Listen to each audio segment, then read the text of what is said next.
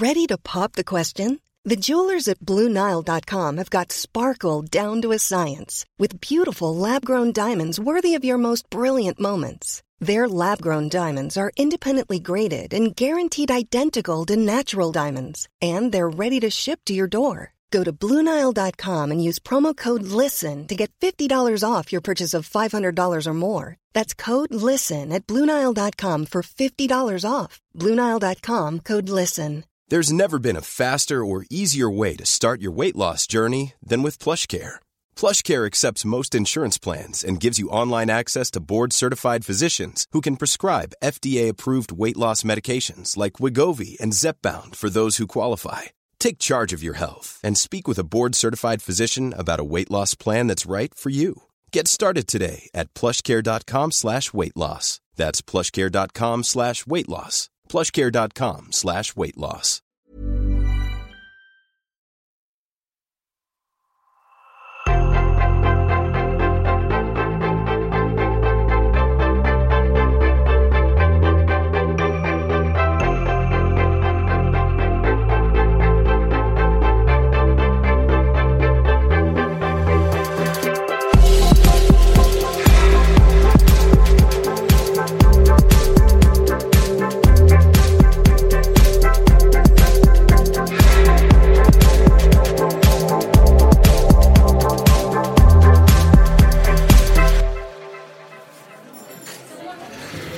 Lena, jag brukar tänka på eh, ibland när jag tog över som chefredaktör på Veckans Affärer.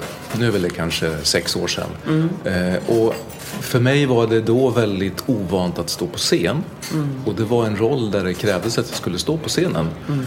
Så jag kommer ihåg att jag gick, eh, började med att gå någon slags, eh, nästan som en crash course hos er på ledarstudion för att lära mig stå på scen. Mm. Eh, var, varför är det så läskigt att stå på en scen? Men jag tror att det är väldigt många som känner sig eh, för iakttagna och inte vill stå i den synligheten som det ändå är att tacka ja till ett, ett chefsjobb. Ja. Och då är det en blyghet, det kanske är lite, man är lite rädd.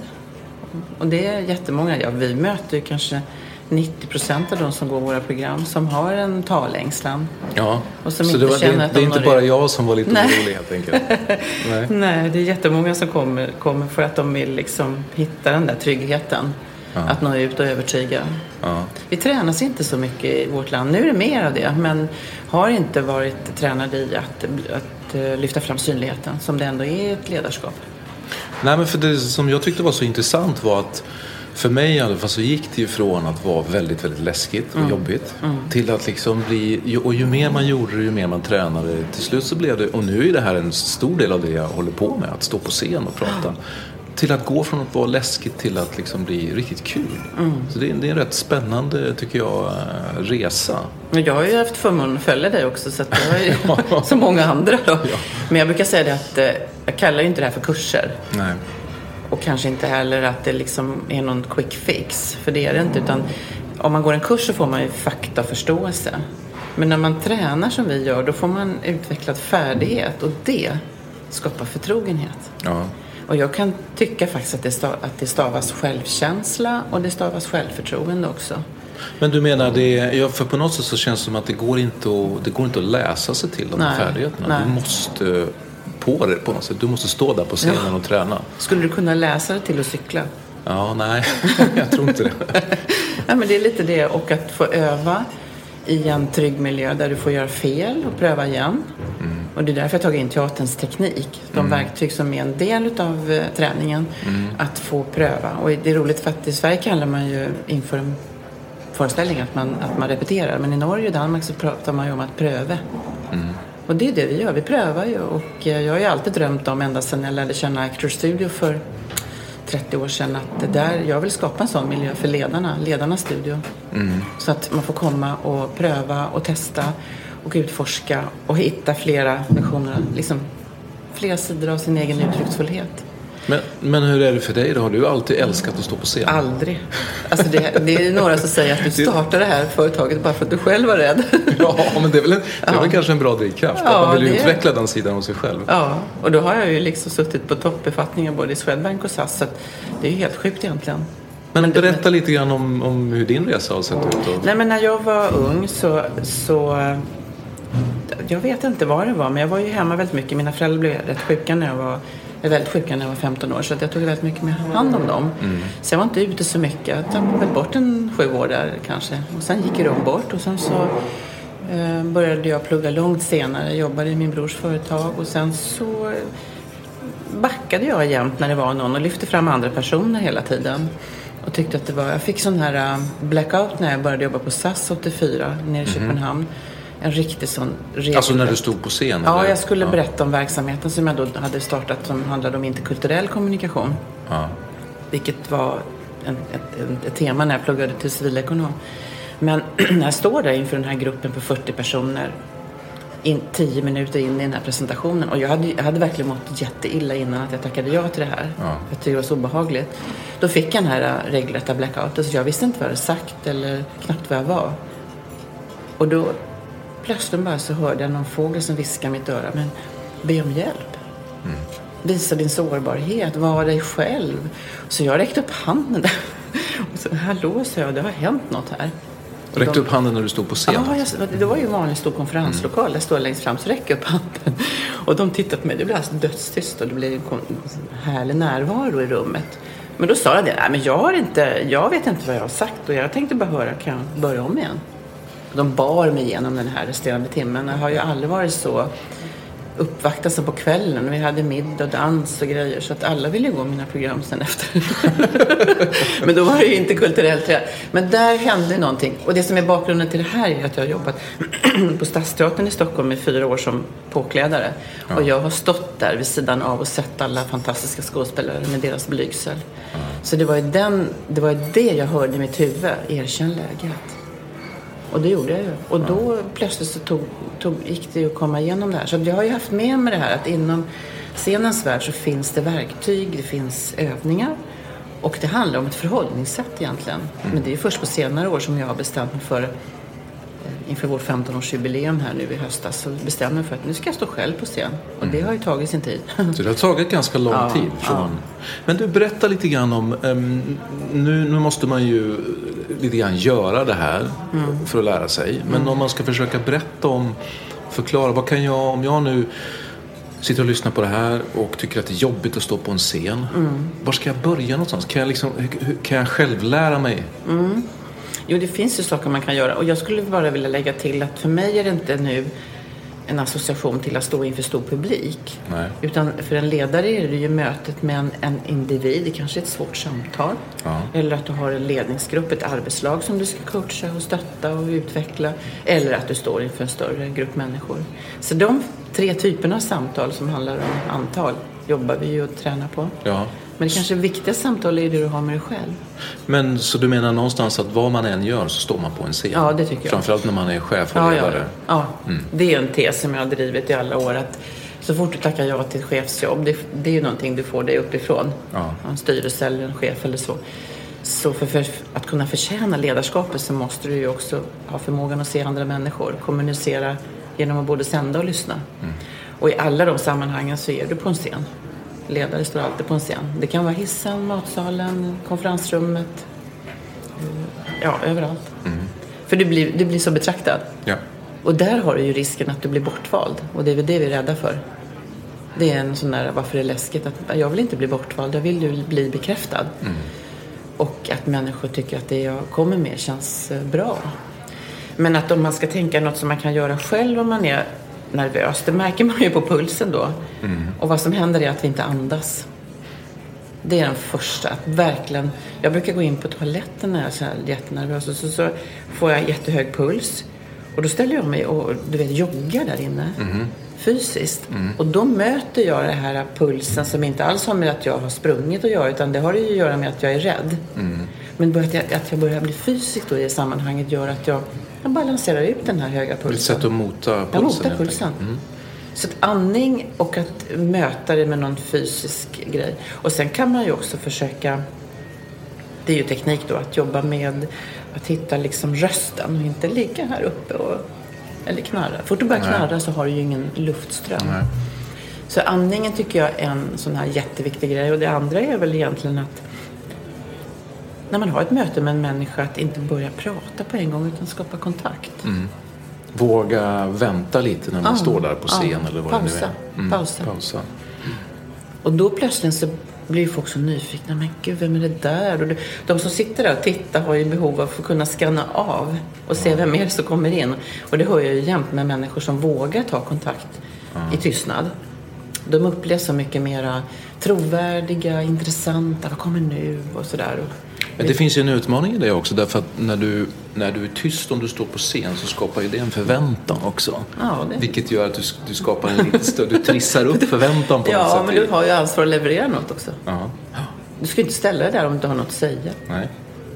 Tycker inte jag. jag tycker, och, och nu, nu låter det som man går upp på en scen, men gå in i ett möte, men tänk igenom. Vad är mina första två, tre meningar? Hitta det som jag har myntat som brant start. Det som gör att folk bara, wow. Häromdagen så hade jag möte med, vi har ett medlemsnätverk. Eh, Som du borde vara med i faktiskt.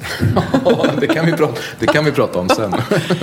Nej, och då så, så öppnade det här, vi var, det var 40 pers kanske, vi har en gång i månaden. Och det är lite Actors Studio, att man får komma och träna och, och, och repetera det vi gör och våra övningar. Men då började jag med att titta på allihopa och så, så bara så här, David Bowie. Och du vet alla, det, vad, vad säger hon nu? Ja, David Bowie. Har han något med ledarstudien att göra? Ja.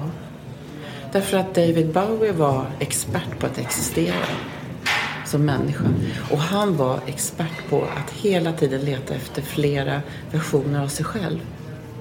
Flera uttryckssätt, att utveckla sin uttrycksfullhet i filmen. Där jag ser många paralleller, musiken och konsten. Den mannen slutar ju aldrig förvåna oss. Och det är precis det här att utforska sig själv. För det finns där inne. Så att David Bowies sätt att leva när han... Ja, sorgligt. Men, men det tycker jag är så intressant. För det är det det handlar om. Att hitta flera versioner. Plocka fram fler versioner Ja, av sig du själv. har dem där inne. Och det, det kommer av att man testar och provar och utforskar. Och, och, många, och många gånger hör jag, men gud, var fick jag det där ifrån? Och då är det ju ofta det att man har liksom gjort en övning som vi har dragit igång och så bara bubblar det fram. Det som finns där inne. Men hade du, vad sa du nu, andning?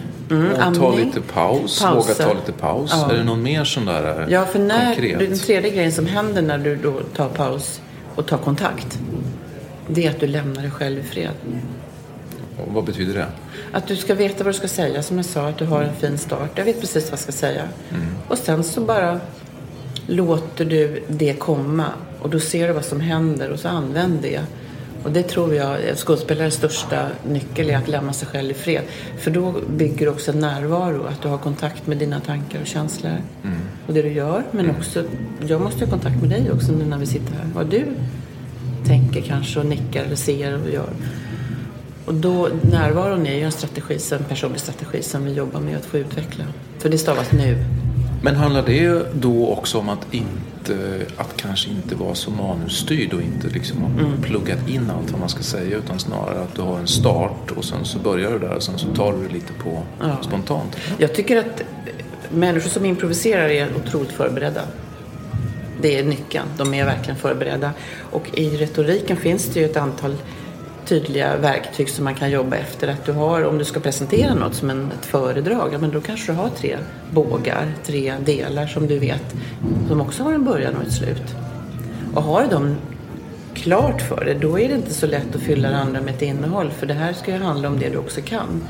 I det här kanske det ligger retoriska frågor eller annat som du vill få igång publiken med. Det är möjligt, men eh, ju mer du har preparerat dig, det är det det handlar om. Du kan ju inte gå in totalt opreparerad i en sån typ av situation. Nej. Och när du sitter och pratar med människor i möten så tycker jag frågandet har en otrolig kraft. Att fråga vad du tänker och tycker. Eller, du får ju associationer nu när jag säger saker. Då frågar du nya grejer. Ja. Och då blir det ju ett, eh, tycker jag, intressanta samtal. Ja. Så det är lite på temat. Du sitter inte och bara tänker på hur du ser ut just nu och vad du gör och tänker. Utan du liksom lyssnar på mig. Ja, jo. Då lämnar du dig själv i fred ja, ja, lite grann. Precis. Mm, Det är sant. Men kan, Och det, alltså, energin är ju riktad utåt då istället för inåt.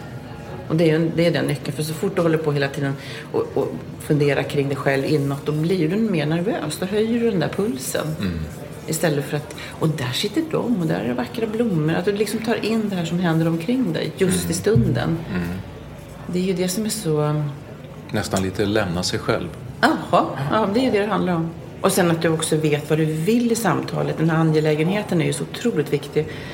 Och om man skulle definiera begreppet angelägenhet så handlar det om att det du vill berätta eller prata om känner du är intressant, att det är viktigt att du har lite bråttom för då får du tag i energin.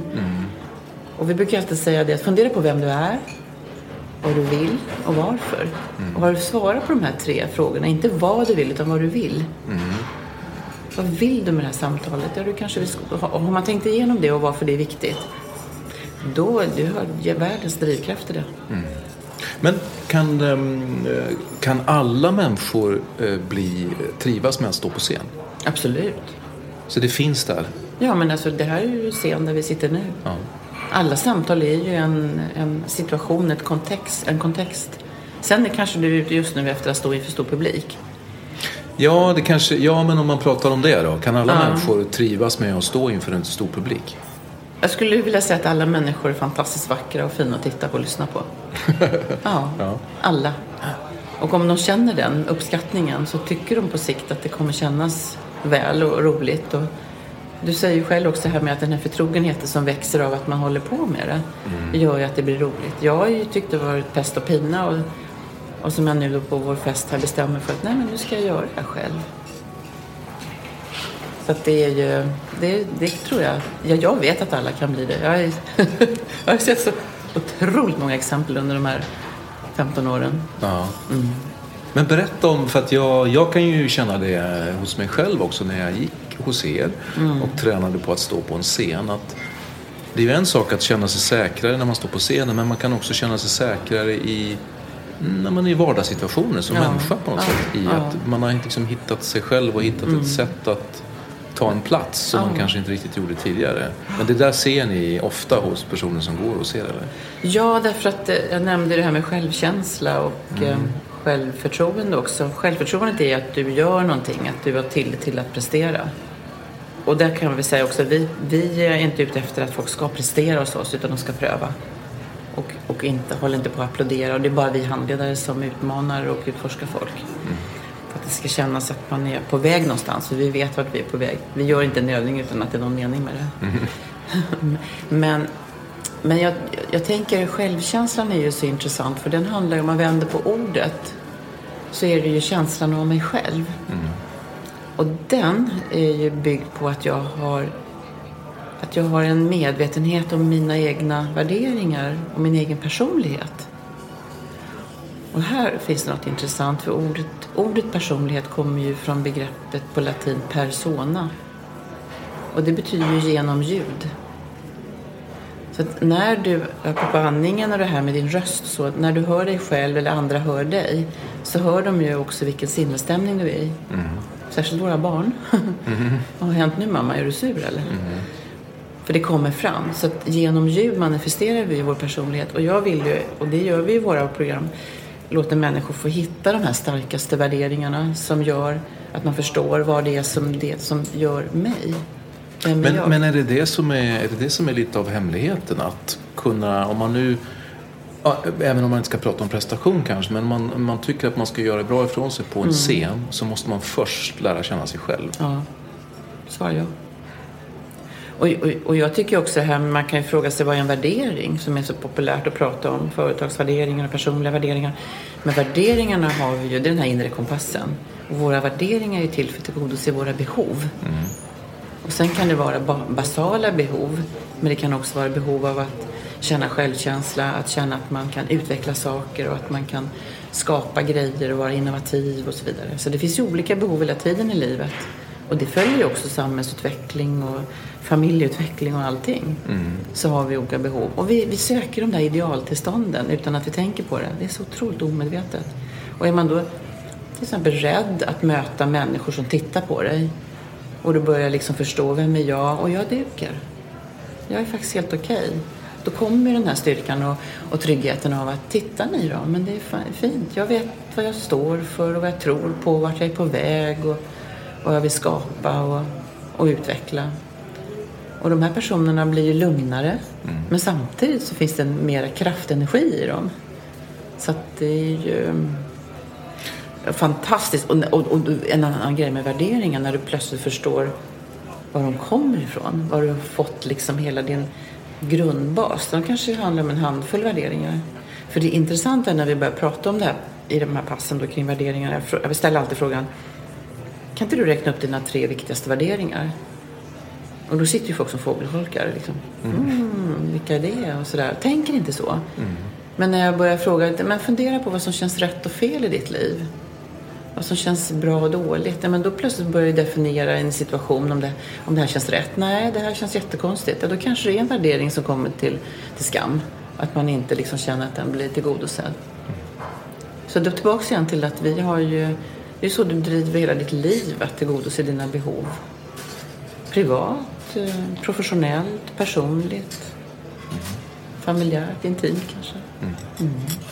Men att stå på scen eller att stå, ja, att stå på scen, är det, det är lite som att lära sig cykla eller? Har man, har man liksom fattat, fattat grejen och vågat göra det så kan jag känna lite grann i det. Så att man har passerat någon slags gräns. Ja. Och då behöver man inte, det är klart man behöver träna i vad man ska prata om just då. Men, men den där första känslan av att stå där.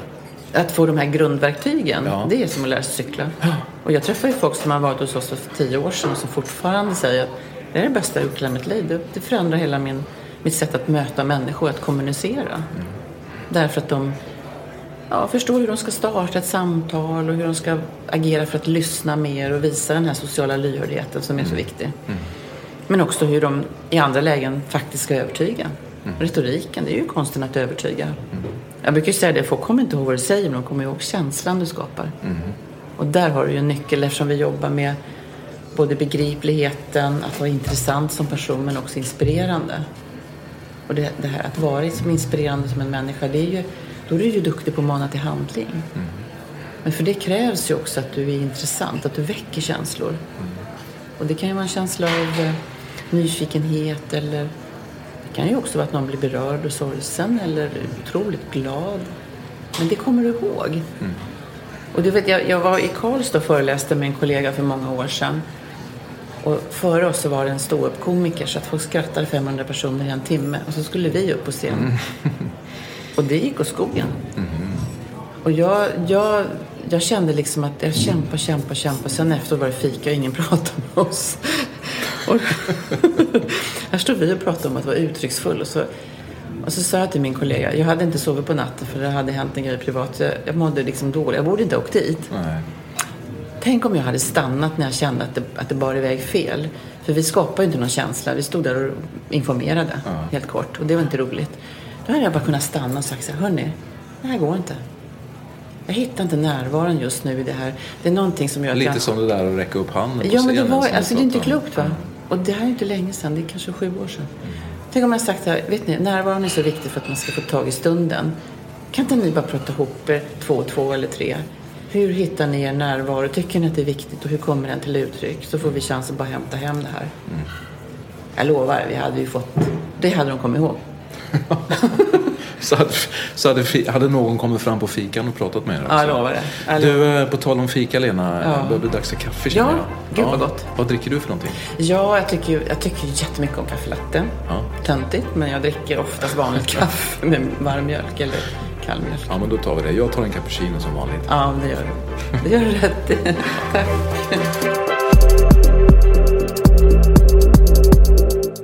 Varje dag äter jag lunch med en spännande person som jag aldrig tidigare har träffat. Jag äter mina luncher på Strand Hotel i Stockholm och de här mötena ger mig en massa inspiration och en massa nya idéer.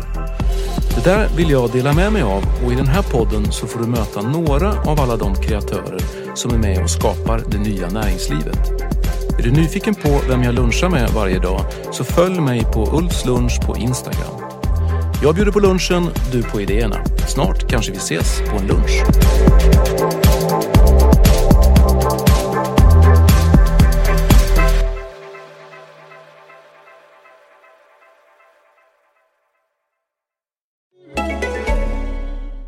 This is ACAST Recommends. Every week we pick one of our favorite shows, and this is one we think you're going to love. Hey, lady, it's Terry here. And Dr. Dom, and we're the hosts of the Her Space podcast. In a world where Black women are often underrepresented and misunderstood, we need more safe spaces to just be. Every Friday, join us as we initiate authentic conversations for Black women. Be sure to tune into Season 4, Episode 11 The Four Levels of Friendship and How to Spot Fake Friends. And check out Her Space wherever you listen to podcasts. ACAST is home to the biggest podcasts from the U.S. and around the world. Subscribe to this show and hundreds more now via ACAST or wherever you get your podcasts. Cool fact a crocodile can't stick out its tongue. Also, you can get health insurance for a month or just under a year in some states. United Healthcare short term insurance plans, underwritten by Golden Rule Insurance Company, offer flexible, budget friendly coverage for you. Learn more at uh1.com. Mom deserves the best, and there's no better place to shop for Mother's Day than Whole Foods Market. They're your destination for unbeatable savings, from premium gifts to show-stopping flowers and irresistible desserts. Start by saving 33% with Prime on all body care and candles. Then get a 15-stem bunch of tulips for just $9.99 each with Prime. Round out Mom's menu with festive rosé, irresistible berry chantilly cake, and more special treats. Come celebrate Mother's Day at Whole Foods Market.